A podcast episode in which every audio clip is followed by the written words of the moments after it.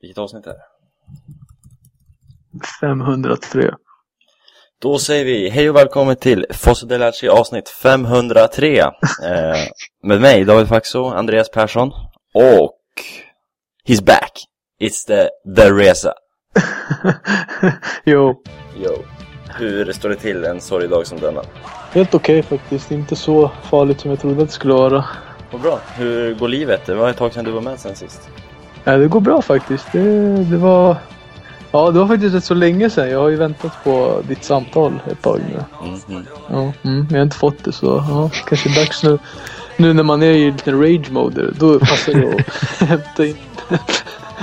Ja. Eh, dagens avsnitt, vi pratar såklart om gårdagens match. Störst fokus om det. Vi pratar om framtiden, kommande matchen i helgen mot Samp. Och så vidare. Vi får se vad samtalet leder. Det brukar ju bli lite utspårningar när jag reser med oss. Så vi får se vad som händer. Det blir spännande. För oss alla.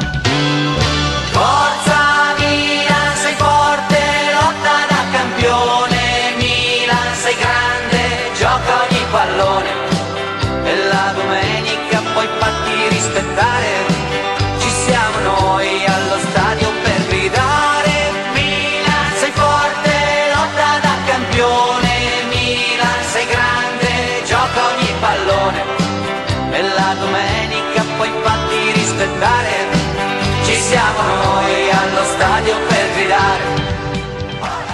Innan eh, vi börjar prata om det vi ska prata om idag så vill jag slå ett slag för resan och då är inte resan som är med oss i bestämd form utan Fossa degli Alci-resan, Milano-resan vi ska göra i maj Andreas.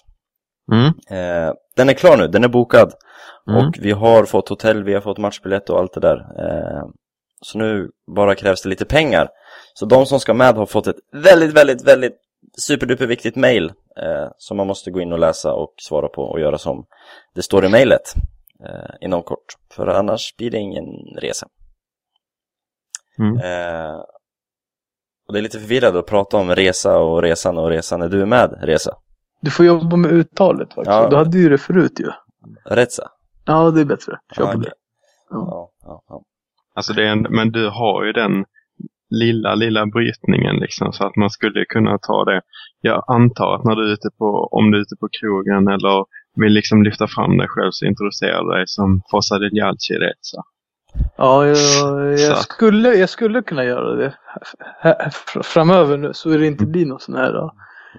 För ni har väl lyssnare över hela Sverige, eller hur? ja, över hela världen. Hela världen, ja hela världen. I Sydamerika framförallt va? Mhm. Eh, språkbristerna är sådär, men ja. Eh, de gillar vår introlåt i alla fall, det är det många som gör. Det är Mm. bra. Mm. Eh, men ska vi prata om det vi ska prata om, fotboll. Eh, så spelades en match igår. Milan mot Atletico de Madrid.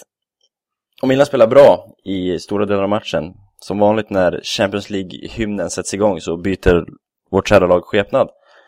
Och ja, vi kanske borde ledigt i paus, eller vad tycker ni? Mm. Nej men det, det ser ju riktigt, riktigt bra ut. Och jag var ju försiktigt positiv eh, till viss del men eh, kände att eh, det hade varit tryggare att ha Allegri vid rodret eh, som hade spelat ett spel som hade passat Atletico kanske bättre. Men ehm, vi spelade mot Barcelona till exempel och vann med 2-0. Då var det ju väldigt avvaktande på San Siro. Här är det ändå Milan som för spelet och eh, ja, det ser väldigt det ser väldigt bra ut, speciellt första halvlek. Mm. Ja. En, i, en i stolpen, en i ribban, Reza. Ja, vi, vi hade ju våra lägen till skillnad från eh, Cedorfs tidigare matcher så skapade vi faktiskt rätt så många lägen. Och i, eh, redan i första halvlek. Och eh, ja, om vi hade gjort mål där i första halvlek hade det kanske sett lite annorlunda ut. Eller matchen, kan, matchen hade kanske slutat annorlunda. För såg ändå ut som att eh, Atletico Madrid var lite tagna av stundens allvar. De började ju helt okej okay, första 5-10 men sen kändes det som att deras orutin sken igenom och de eh, kändes ju rätt så rädda. Alltså de, ja, tagna på sängen som jag sa innan. Och det känns som att vi borde ha kanske inte dödat matchen, men vi borde i alla fall ha tagit ett eh, fastare grepp på matchen där och gjort ett mål. Men effektiviteten är inte riktigt där den här säsongen. Har vi inte lite otur också? Jo, det är lite otur är det, men alltså det är ändå, jag tycker ändå vi är jättedåliga när det kommer till det där.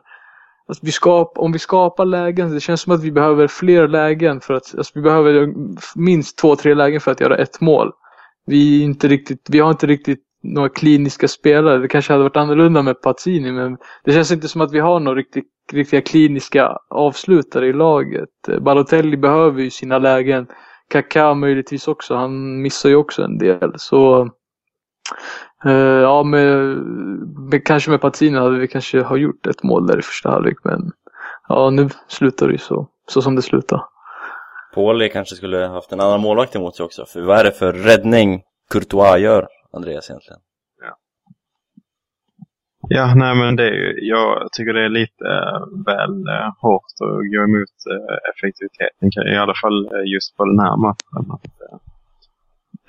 det är ju sjukräddning där på honom och vi har alltså i, i stolpe och ribba, det är inte så. det är otur helt enkelt. Sen så har vi en del andra chanser också. Jag menar, Kaká har ett skott som går över strax och Balotelli ett, en bredsida som går strax utanför som där Courtois hade varit chanslös.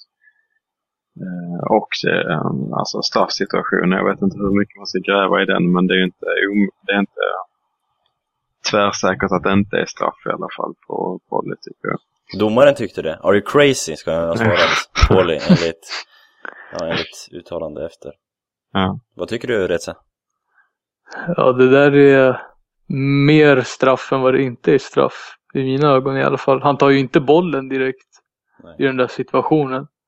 Eh, Så det är ju jag, alltså nu är jag subjektiv men det kändes ju i- när man såg repriserna i alla fall kändes det som det skulle ha kunnat blivit straff men det känns som att det krävs rätt så mycket mer lite mer tydligare situationer för att de ska blåsa straff. Eh, Mm. Känns det som. Att de inte ger dem så lättvindigt. Det, de är nog rätt så hårda med det. Att det ska vara solklart straff. Det ska inte vara 50-50 eller sådär. Utan de kommer, det ska vara solklart. Annars tror jag inte de ger de där straffarna nu i eh, slutspel i Champions League. Nej. Nej.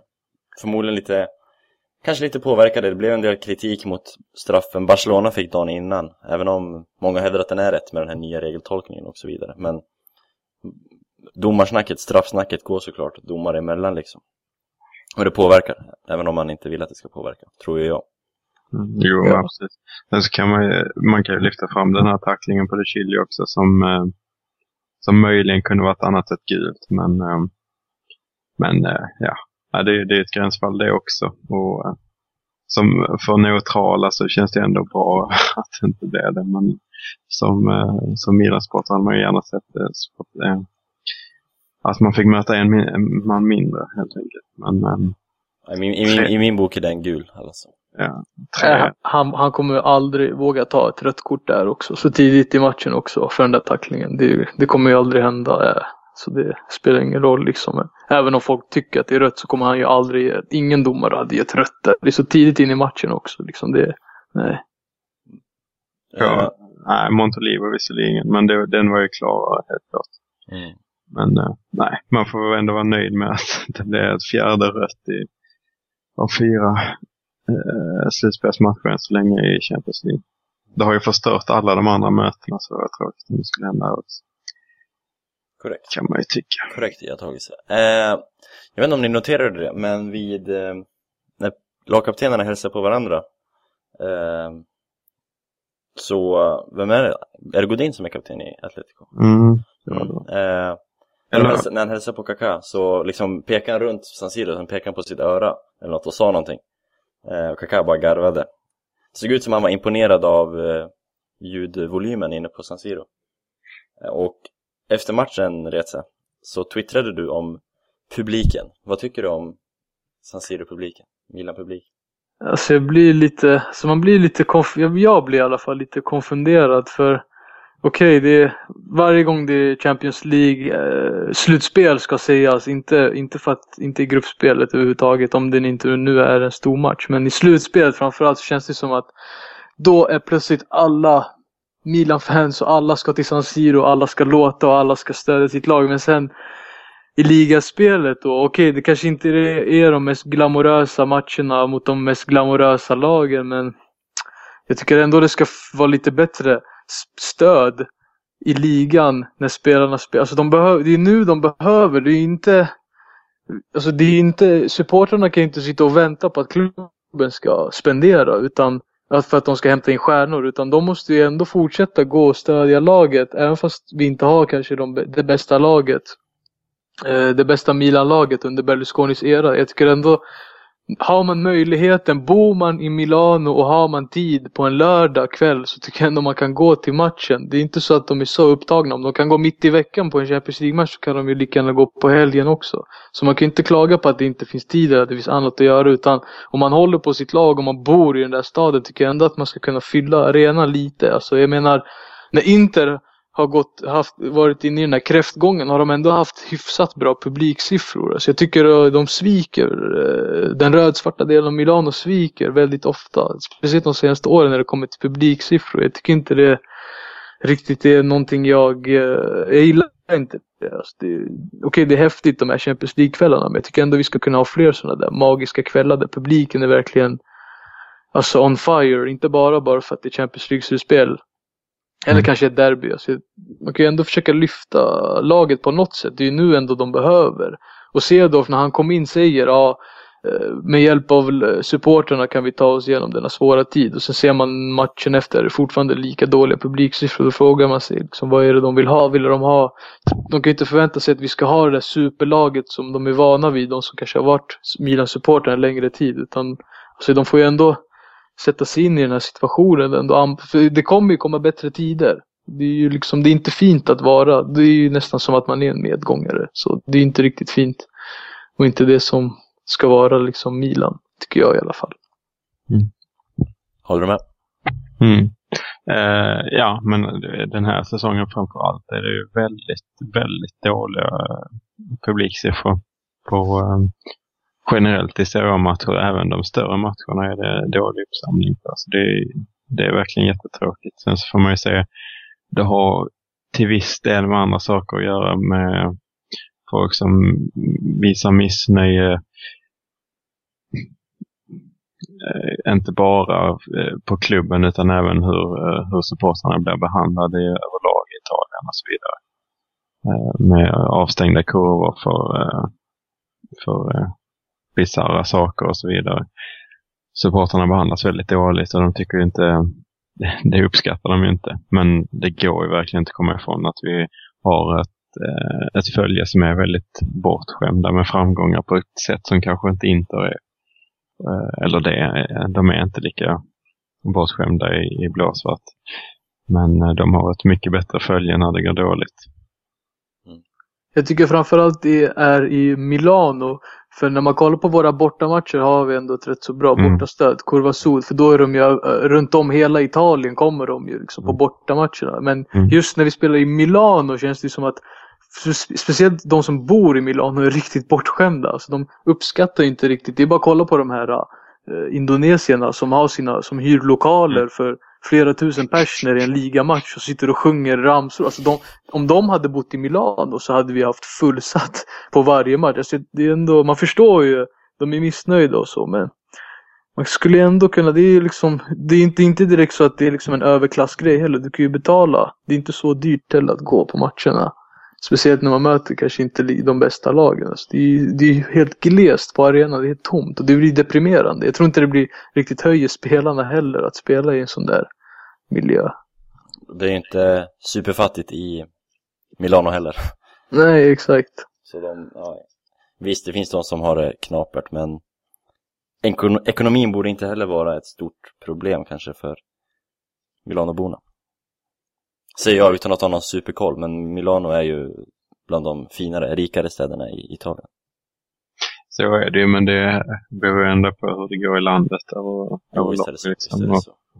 Och eh, ja, man kan ju ändå ifrågasätta varför man ska investera stora summor pengar om klubben sköts väldigt dåligt av, eh, av eh, och spelare som inte riktigt visar eh, att de vill representera, att de representerar Milan och så vidare. Det, alltså ledningen den här säsongen har ju verkligen inte heller hållit Milan-klass.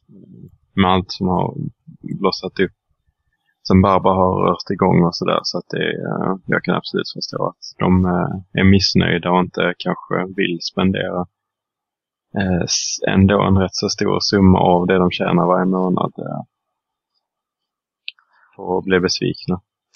Men det känns ändå som att publiken är en del av det som får människor, äh, spelarna att förstå vad Milan är. För de, jag tror inte de riktigt, de, de förstår inte riktigt vad Milan är när de kommer till Milan, spelar i San Siro inför 25 000 pers. Jag tror inte de riktigt då heller förstår. Det, det är klart det är flera aspekter som spelar roll vad en klubb är och vad som definierar en klubb. Men just det här med om de, om de kommer till en arena och sen på sin hemmaplan är det 25 000 där och sen är det spridda busvisningar då och då, en kurva som sjunger, resten sitter och tar det lugnt. Alltså det, är ju, eh, det ger inte heller rätt bild till de nya spelarna av vad Milan är. De, alltså de, de kan ju bidra väldigt mycket men alltså, okej det är ju missnöjt och så men det känns ändå som att man skulle kunna på något sätt eh, vara man skulle i alla fall på något sätt kunna påverka, eh, alltså det, kunna lyfta klubben på något sätt. Det är ju, för nu, har, nu fick vi ändå Kaká inför den här säsongen som man trodde skulle höja lite eh, publiksiffror. Men det känns ju fortfarande som att de sviker. Eh, så jag vet inte, det är ju... Eh, sen har vi fått in en eh, ny showman här i Tarapt också. Men jag vet inte om det kommer heller lyftas. Jag vet inte vad de riktigt är ute efter. Om vi, alltså, det, är- Eller Galliani var inne på det där att, kommer inte ihåg vad han kallar dem, Kakas... Orphans. Exakt, Orphans. Kakas Orphans. Så att det var väl en 10 000 eh, som man trodde skulle höja publiksnittet med. Eh, frågan är om de, om, om de 10 000 är på plats eller om de inte är det. För, för om man skulle man ta bort Kaká från laget, skulle det försvinna 10 000 från läktaren då? Då har vi superlite publik. Då har vi ingen publik kvar liksom. Då har vi 10 000 som kommer för Balotellis skull och sen resten för Walter Birsas skull. Mm. Mm. Precis. Ja. Några slovener där i ett ena hörn. Och någon släkting till spelarna. Ja, ja.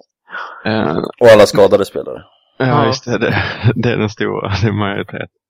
Uh, nej, men vi har ju, um, alltså det, det är ju absolut så som, eh, som du säger också, man kan ju skylla på det här med att eh, de har missnöje och sånt där, men inte har det värre.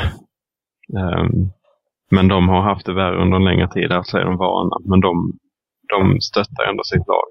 Även om de kan, eller de stöttar inte sitt lag för de är ganska öppna med sin kritik mot, mot klubben, men men de kommer i alla fall till arenan oftast. Mm. Och i större utsträckning än Milan gör. Och, och, vi, och vi såg ju som du sa eh, igår var det ju, alltså det var, eller som vi märkte igår var det ju eh, väldigt mycket folk och det lät mycket och så där. Det är klart det triggar igång spelarna. Alltså det, en del som ingår i den här med Europa-DNA eller CL-DNA det är också det här med publikstödet.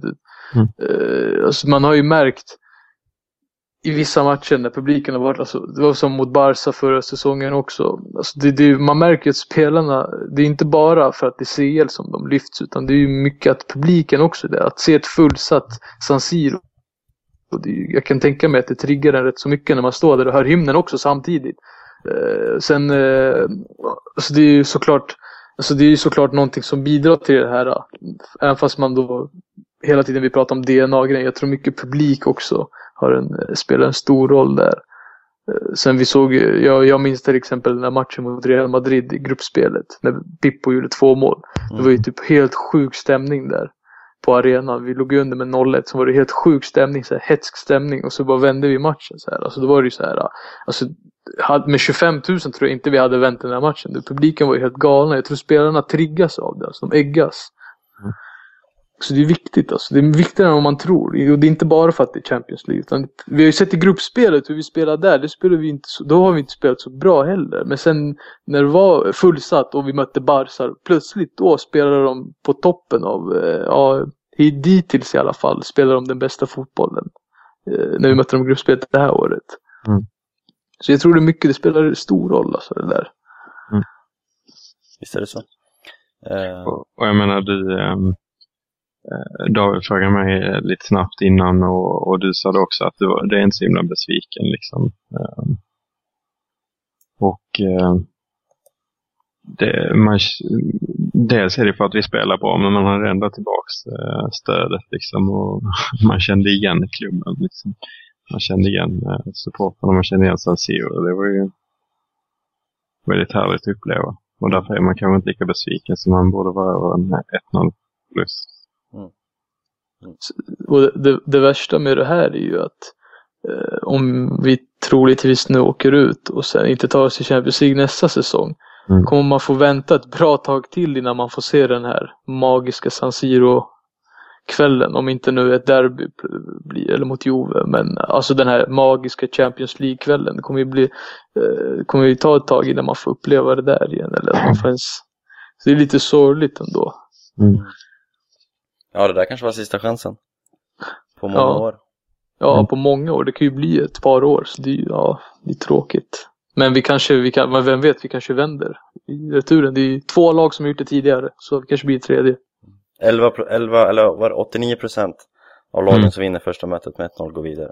Mm. Så ja, 11 procentenheter har vi. 11 procent chans att gå vidare. Utifrån spelet så är det inte omöjligt och utifrån eh, vår balans på laget så är det inte omöjligt att vi gör många mål egentligen. Nej. Eh, Så... Måste vi hålla nollan också. Det är klart att det inte... Nej, det måste vi inte. Det räcker vi Nej, ja, försök bara så länge. Jo, det är sant. Vi ska bara göra fler mål. Mm. Så är det, vi vidare. absolut. Ehm, Så att det är inte helt omöjligt. Men det är klart att vi har ju... Vi har ju... ehm, Vi spelar bättre på San Siro. Och kan man inte vinna på San Siro så är det ju tufft. Men, men eh, ja, jag, vill bara, jag har en fråga till er två. Jag tar Davids roll nu.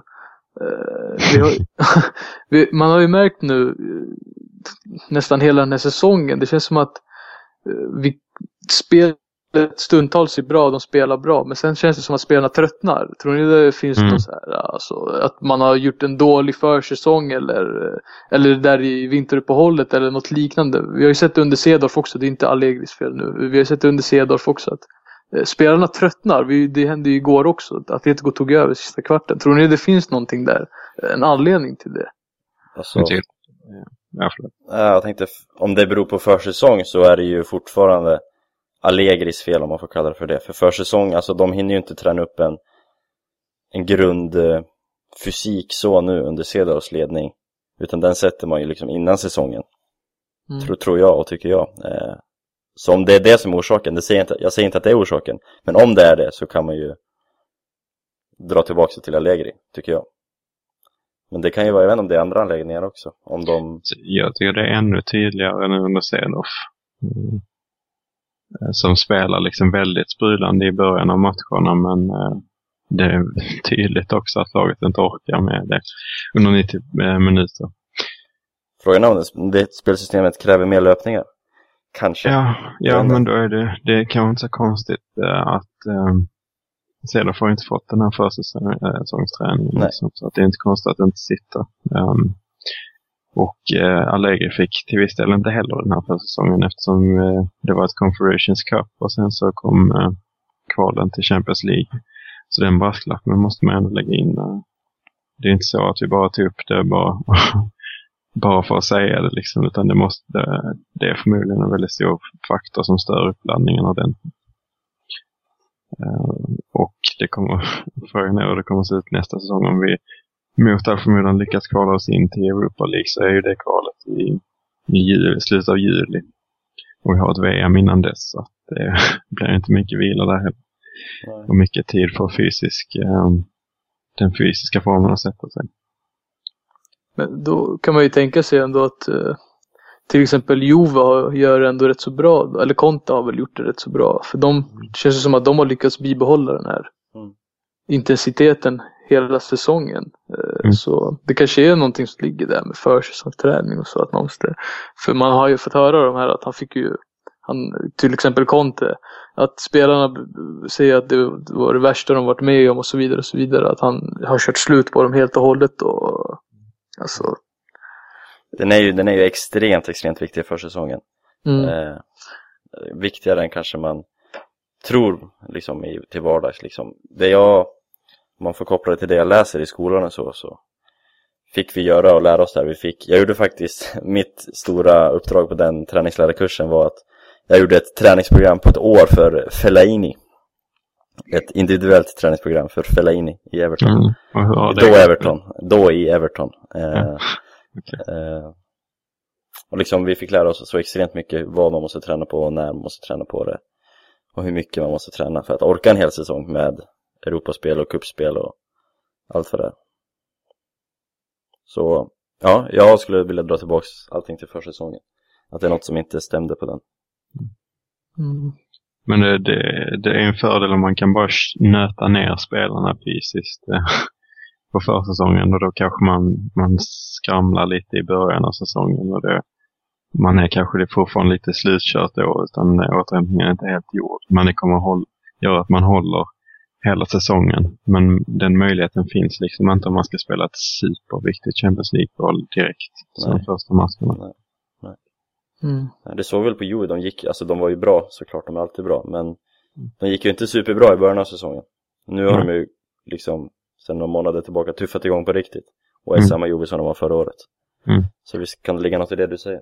Ja, som, det, som ni sa att de körde jättehårt med Juventus. S- Sen har det ju sett ut eh, så under Allegri nästan alla säsonger också känns det som. Lite svagare i hösten och sen eh, innan in- uppehållet känns det som att spelarna kommer igång och sen mot våren så kommer ju den här slutspurten. Mm. Känns som att det har varit så nästan alla säsonger i hans klubb. Mm. Eh, alla säsonger han var i klubben. Mm. Fast den här säsongen så, ja, kanske Champions League-kvalet som påverkade för det har ju gått någonting snett i alla fall. Det känns ju som att spelarna är underlägsna. Vi är underlägsna de flesta när det kommer till fysik känns det som. Alltså att vi blir bortsprungna av lagen vi möter. Bortkontrade, bortsprungna. Våra spelare känns det som att de inte orkar.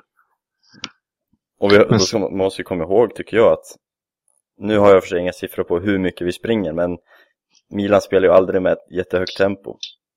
Som Nej. till exempel Juventus, eller som Napoli, eller som andra lag- lag i Europa.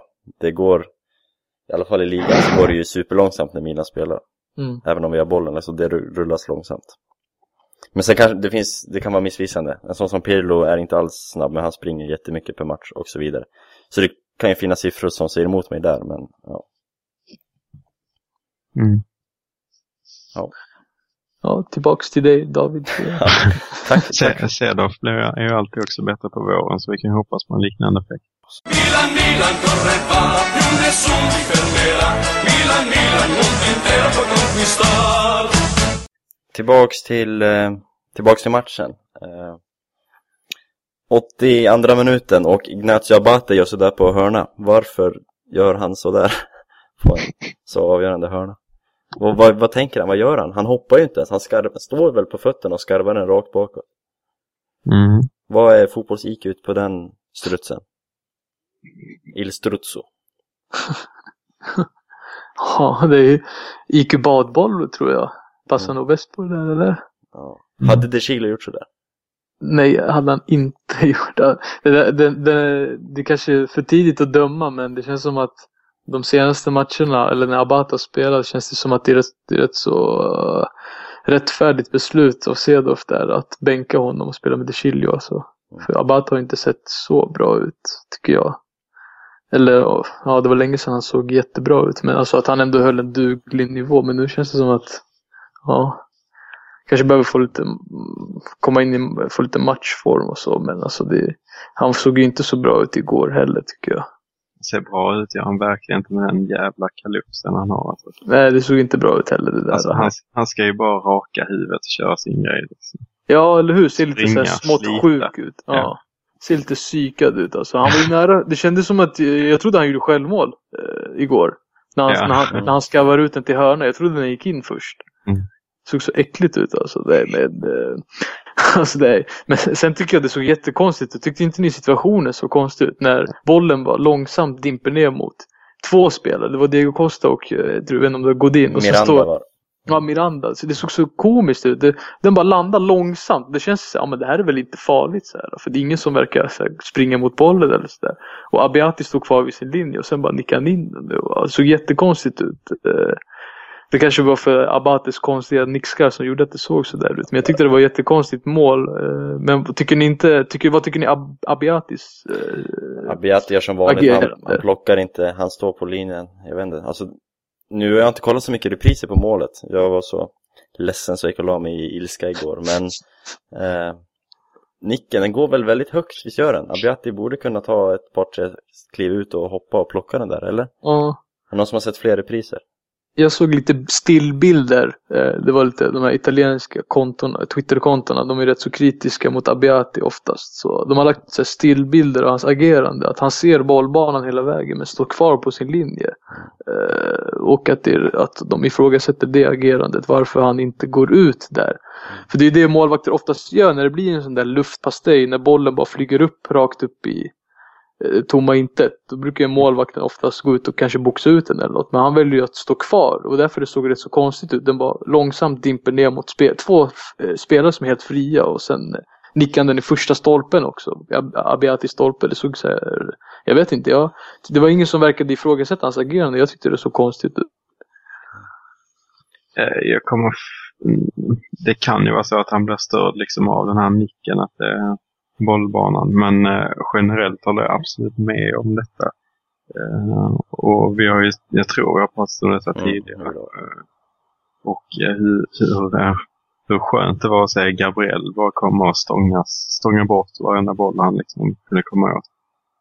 För det är så målvakter ska göra. Jag menar, Valdes är 1,49 liksom, men han eh, springer ut och stångas och viftar på, i luftduellerna snarare än att lita på sina eh, reflexer. Eh, och då är han liksom kortare och reflex snabbare än Abiati liksom. Alla går ut och, och stångar bort, för det är det, det är det man måste göra. Och jag tror att Abiati är en riktigt stor anledning till att vi har sett in så många mål på honom. Och fasta. Men skulle vi bytt målvakter igår så hade vi kanske vunnit matchen, eller vad tror ni? jo, Ja, den där hade, Courtois hade ju still, han hade ju från mållinjen plockat den där, men han, han är ju hur lång Ja, som han skulle inte ha hoppat. Han hade, han hade från mållinjen sträckt ut så här, Space Jam style. Så här, Michael Jordan, Air, Air Jordan, han bara sträcker ut handen och bara plockar den så här, fem meter ut. Alltså, han är ju hur lång som helst. Det var ju, alltså, han hade skulle, ju, ja, hika, han skulle hikat lite och, och plockat den. Och Abiati hade ju inte tagit Paulis nick. Nej, det hade han troligtvis. sig så, sk- alltså Abiati kan ju göra de där monsterräddningarna och överlag så tycker jag att det är en bra målvakt. Men det är just i nickduellerna och alltså säger hans fötter är inte de bästa men det kan man ju leva med. Men uh, annars så gör han ju ofta rätt så bra. Alltså, eller, Alltså, han, han är ju en bra, eh, vad brukar de kalla för, linjemålvakt. Mm. Men sen när det kommer till den här pondusen, när det kommer eh, inlägg och så vidare, alltså att han ska äga sitt straffområde. Det känns ju som att han inte alls, han ser ju så, eh, han ser inte säker ut. Det, är det, det, alltså, det ser inte bra ut. jag kan tycka det är rätt så konstigt för han har ändå den alltså mentaliteten tycker jag att han har. För att klara sig i en stor klubb. Det är ändå en mentalitet man måste ha. Första keeper och allting det där. Det tycker jag att han har men att det då inte pondusen i straffområdet och luftrummet, att det kommer automatiskt, det tycker jag är lite mer. Är det en Judas vi har att göra med? För eh, ni kan väl komma ihåg att Christian Abiati har spelat i Atletico? Ah, Ja, just- trojansk häst alltså. Exakt, exakt. Med, Bitarna faller på plats alltså. Ja, ja. Slår mig nu spontant. Han har ju varit där i Spanien. Ja, ja. En, jag tänkte det här med eh, backlinjen, alltså de fick ju det var ju, de fick ju rätt så dåliga betyg av Gazettan. Eh, Jag kände ändå att mittbackarna gjorde ändå ett helt okej jobb eh, fram till Bort- sista 5-10 minuterna i alla fall. Bonera spelade upp sig. Han var ju inte katastrof som har varit Nej, nej. Ra Rami gjorde ju några bra brytningar i början också. Mm. Det såg ändå helt okej. Jag, fatt, jag förstod inte varför de... Men det är det är Rami som tappar Diego Costa på målet där ju. Ja. Det är han som ska markera honom. Mm. Eh, Jag, eh, blev, jag var ju livrädd för att Bonera skulle stå när, eh, när vi hörde Sorens utmärkta utläggningar för, för um, podden om att Atletico skulle liksom bara ge ifrån sig bollen och satsa på kontringar. Eh, och sånt där. Bonera kan jag tycka kan vara riktigt bra när försvarsspelet sitter och han får, han får han ska bara stå där och stå rätt och så vidare. Men när, med den här höga Cedorf-backlinjen så har det sett riktigt, riktigt dåligt ut. Och eh, då möta ett lag som är, spelar som ett bottenlag i Serie A, men har mycket, mycket kvalitet liksom i det de gör. det kändes inte alls bra. Men Bonnier skötte sig bra. Det var, de kändes som att de fick mer eh, hjälp av mittfältet till skillnad från andra matcher också. Och en av anledningarna till det var att man för det första hade Pauli där i den där tridenten, han jobbar ju hem också mycket. Och Sen hade man ju SCN och de Jong, de två riktiga block där på mittfältet.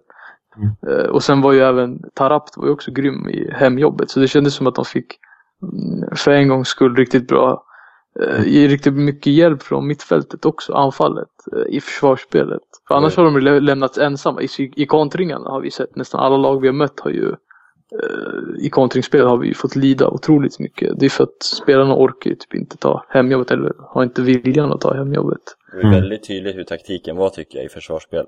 Att vi gick ner på ett 4-4-1-1 med eh, men jag tycker det är alltså intressant att det är Pauli som backar ner, kliver in bredvid de Jong ju. Eh, Tarabt och SCN på kanterna, så uppfattar Ja. jag det genom nästan hela matchen i alla fall. Mm. Eh, Och SCN har ju de chanserna Atletico skapar i första 60-70 minuterna kommer ju från Urbys och SCNs kant, för bollen kommer ofta mellan SCN och Urby med inlägg och sen därifrån. Eh, SCNs hade ju problem med speeden, tycker jag, när han kom för långt ut på kanten. Mm. Att inte Pauli, som är en snabbare, kvickare spelare, kanske mer rörlig, eh, är på kanten och SCN i mitten. Men ja, jag vet inte riktigt hur Cedorf tänkte det. Men jag tyckte ändå han fick, jag tyck, tyckte ändå det var första gången vi såg verkligen Cedorf eh, göra någonting, alltså visa någon taktisk kunskap eh, i och med att han då tog in Pauli som han som inte fått spela som, som fått spela typ 10 minuter under Cedor hittills. Han tar in honom i den här matchen. Bara för att han ska då för det första han är ju löpstark och sen i försvarsspelet att han då eh, tar steget tillbaka tillsammans med Tarap då. Men att han tar steget tillbaka och hjälper till i mittfältet.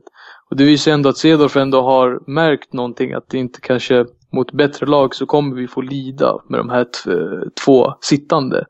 Eh, att det blir för, de är ju numerärt underläge där oftast.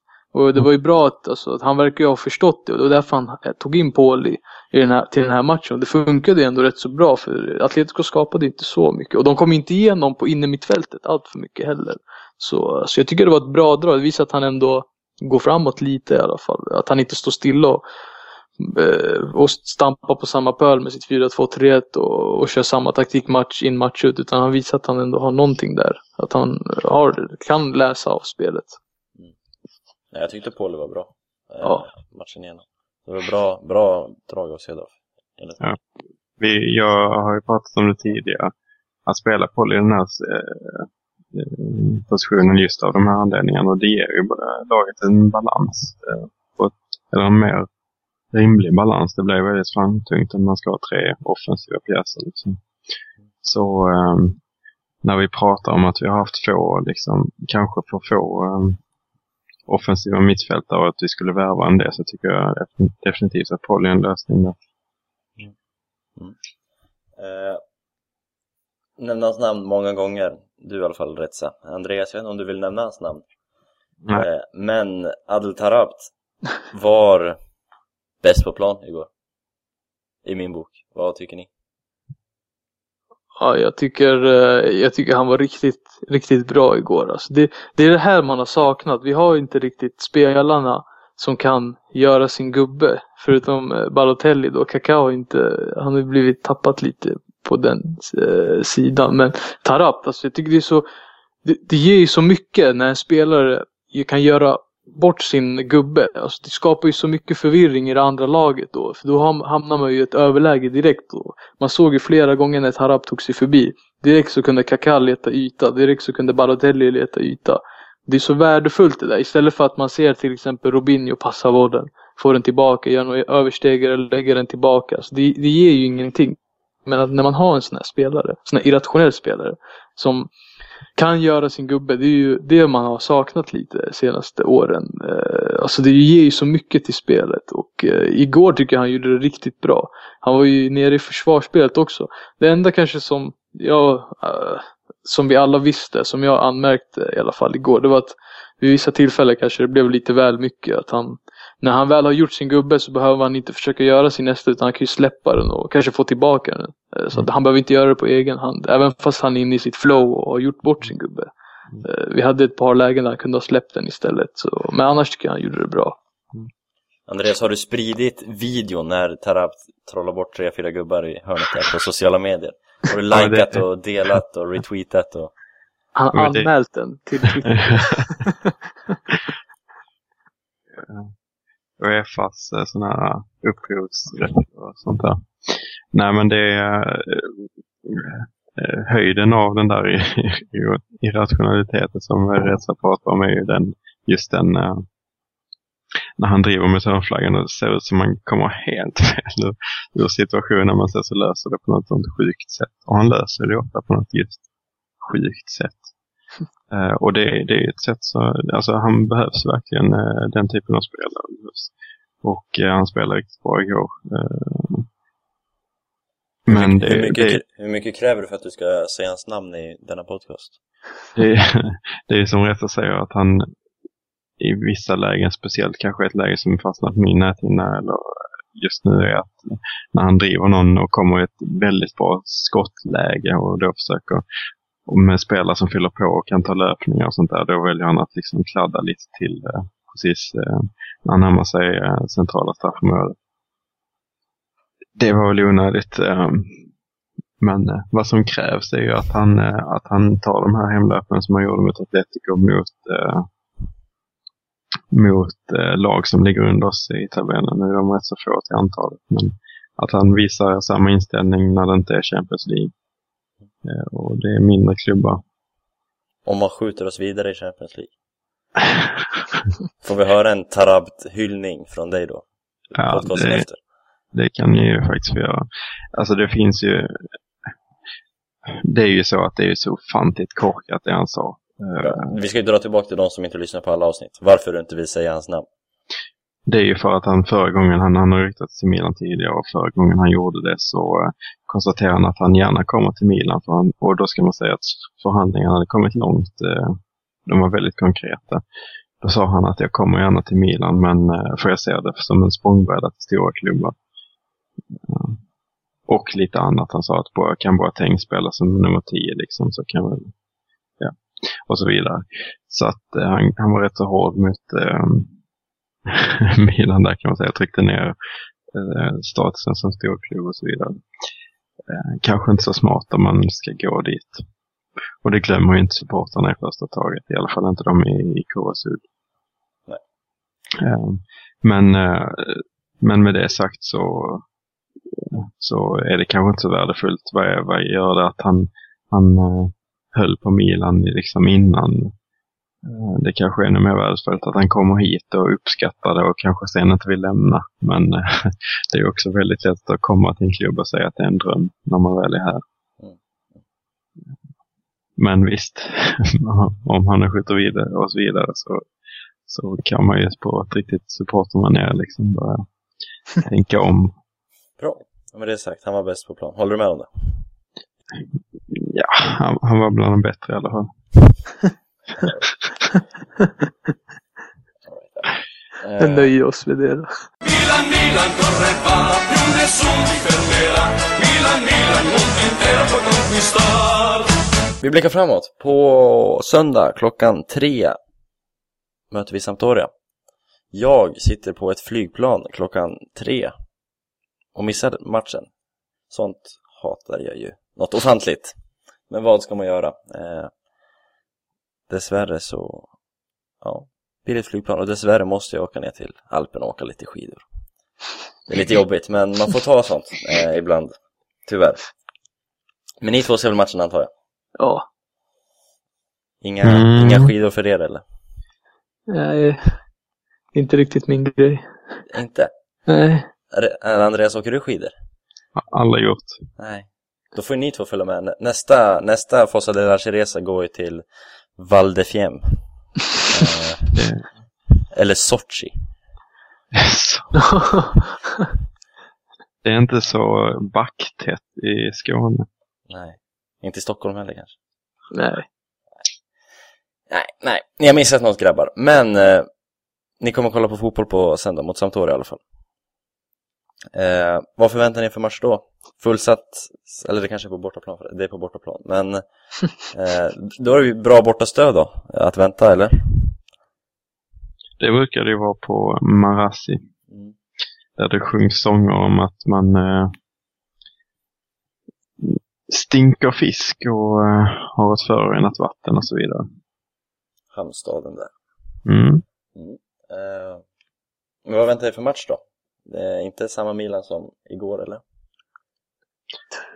Troligen inte, skulle jag säga. Det kommer nog vara eh, ett, ja, jag vet inte hur man ska förklara. Kanske så här, en jet, jetlaggad Milan kanske vi kommer få se. Lite så här bakfullt Milan efter eh, matchen igår. Så lite lugnare, de kommer ta det lite lugnare tror jag.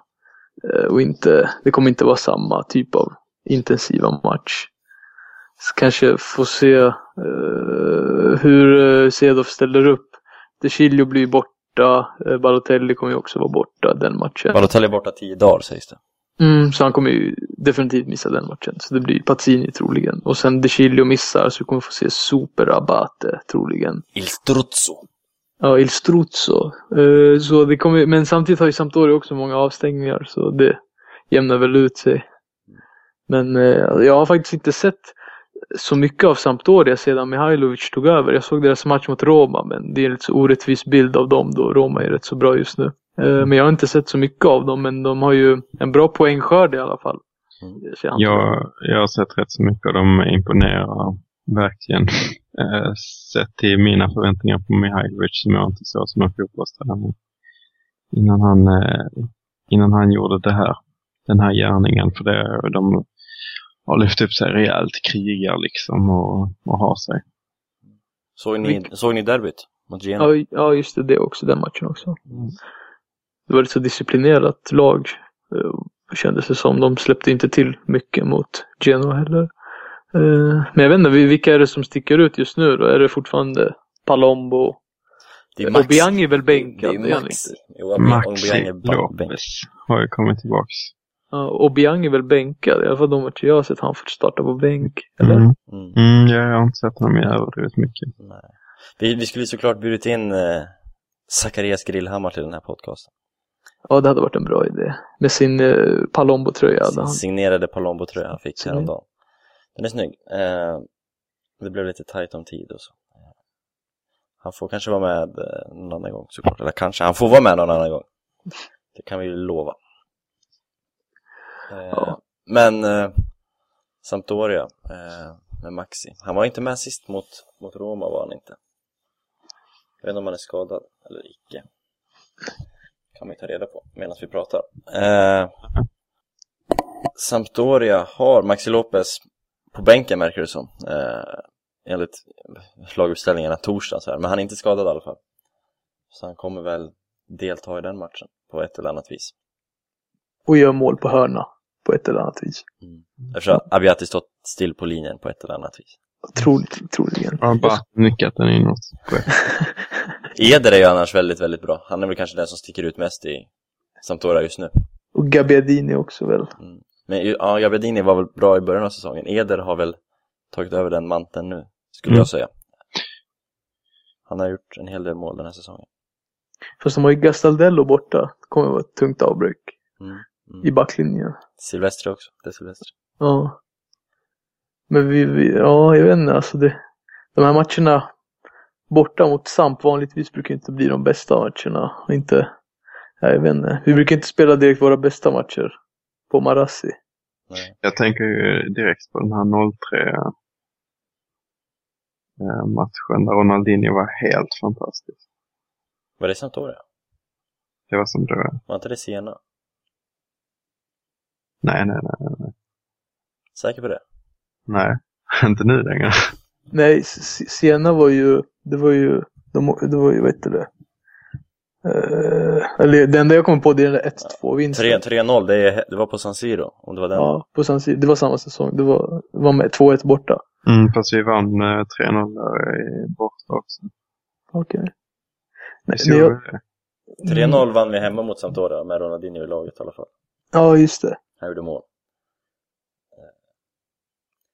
Jag, jag tänker på eh, vad heter det? Jag tänker på framförallt, eh, vad heter det, Scudetto-säsongen när det blev 1-1. Och när vi, eh, under Leonardo, den när, vi eh, jagade Inter och var helt Scudetto, slutkörda på slutet. under Leonardo. Nej, alltså det var, det är två olika. Det var först. Scudetto-säsongen. Det hade varit kul om det hade varit under Leonardo. Scudetto-säsongen eh, när vi spelade 1-1. Och sen eh, under Leonardo när vi höll på att jaga Inter där på slutet. Fast då var ju de rätt så slutkörda laget där när vi torskade mot dem. När vi tog ledningen på hörna först. Och sen förlorade till slut. Jag kommer inte ihåg, men eh, våra kära lyssnare får väl youtuba sig fram.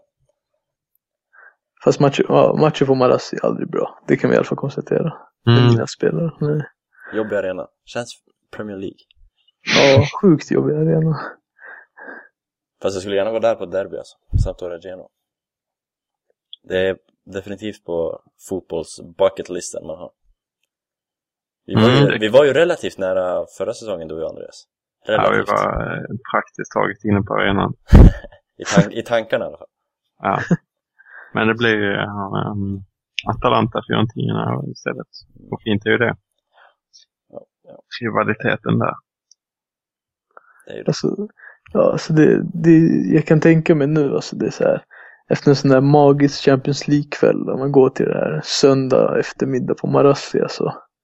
Ja, jag kan tänka mig, det är, det är så, både som spelare och supporter, lite så här äh, jobbig omväxling alltså. Ja, Ja, vi får se. Eh, söndag 15.00 är matchen. Jag är nöjd med dagens avsnitt. Är ni, jag börjar rapa nu, är ni nöjda? ja, jag är nöjd. Jag börjar bli Om vi- hungrig, hungrig om och rapa samtidigt. Vad sa Om du? vi, om vi klämmer in att Matri har gjort mål i nionde minuten i Danmark så är jag nöjd. Så han har gjort mål alltså, Matri? Mm. Han hade gjort mål igår om jag, han hade varit kvar också. Så. han hade nickat in Paulis läge. Mm. Han hade rensat hörnan också. Grande, ma- grande matri. Eh, Flygit bakom Abiati vid nickmålet också. bra. Eh, okej, jag skulle inte överdriva. Tänkte fortsätta med det. han hade dragit upp kortet ur eh, fickan och visat ut Raúl Garcia i tacklingen också. Jag, jag, kan, jag, jag, jag ser framför mig att Eller Insua var det som tacklade. när, Abi, när eh, Abate nickskarvar, Matri läser situationen, han är ju bra på att läsa spelet. Läser situationen, springer allt vad han har bakom Abiati och slänger sig Superman och nickar bort den när han kommer bakom honom. Jag tror det, det hade kunnat gå. Skulle aldrig släppt honom. eh, med de orden får vi tacka för detta, denna veckas avsnitt. Kul att du har lyssnat om du har kommit så här långt. Eh, lämna gärna en kommentar på Twitteros eller på Svenska fans kommentarsfält. Där vi finns tillgängliga också. Eh, Sa du Twitteros? Twitteros, det är spanska. Spanska, Mm. okej. okej. Eh, vi finns också på mail. Vi fick mailfeedback för första gången igår, Andreas. Mm. Det var kul. Det tar, Mm. vi, det tar vi ju till oss. Blir det brev nästa eller telegram nästa? Ja. Vi har ju försökt ju få brev här hem till dig också, men det har inte kommit några. Ja, jag vill helst inte ha brev. Nej, nej. Jag kan nu, ta telegram. Ja. nu börjar det bli utdraget här. Nu, får Okej. vi, nu får vi lägga på, känner jag. Eh, tack för att ni har lyssnat. Vi hörs... Ja, vi får se hur det blir fredag. Jag kommer hem sent från min resa, sent på torsdag kväll. Eh, sen är det mycket skolan. Men vi kanske kommer... Förhoppningsvis fredag kväll kommer nästa veckas avsnitt ut. Bra, vi får se hur det blir. Men vi hörs då, när vi hörs. Adjö. Ciao. Hej.